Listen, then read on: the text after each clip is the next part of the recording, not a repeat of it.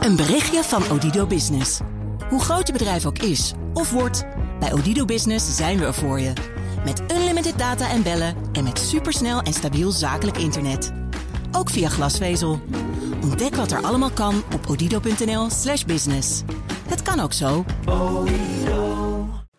De column van Bernard Hammelburg. Vroeger had je een hoop voorstanders van de Verenigde Staten van Europa. Nu past het laatste groepje federalisten in een bezemkast.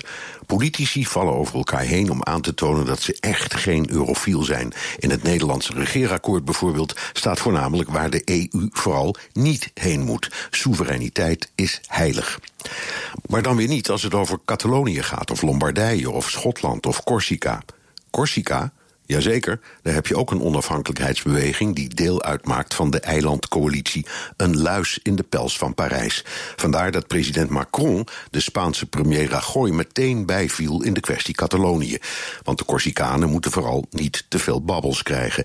In tegenstelling tot de Belgische premier Michel, die tot razernij van Rajoy op kalmte en bemiddeling door Europa aandrong.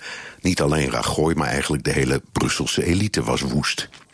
Dat is raar, want als er één land is waarnaar we moeten kijken als het om afsplitsingsbewegingen en regionaal nationalisme gaat, is het België. Een land met vier staten: Vlaanderen, Wallonië, Duitsstalig Oost-België en Brussel.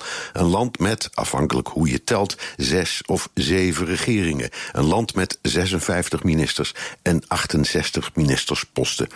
Dat kost krankzinnig veel geld en we maken er graag grappen over.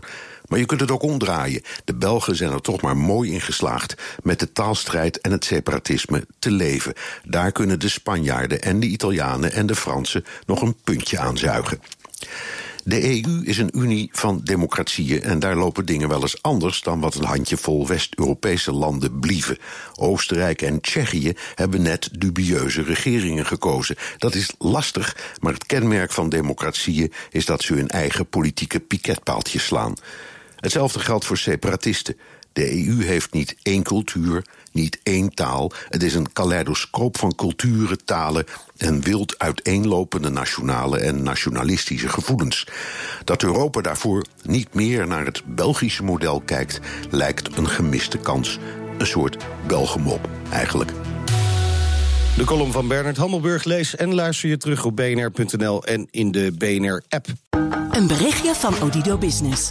Hoe groot je bedrijf ook is of wordt, bij Odido Business zijn we er voor je. Met unlimited data en bellen en met supersnel en stabiel zakelijk internet. Ook via glasvezel. Ontdek wat er allemaal kan op odido.nl/slash business. Het kan ook zo.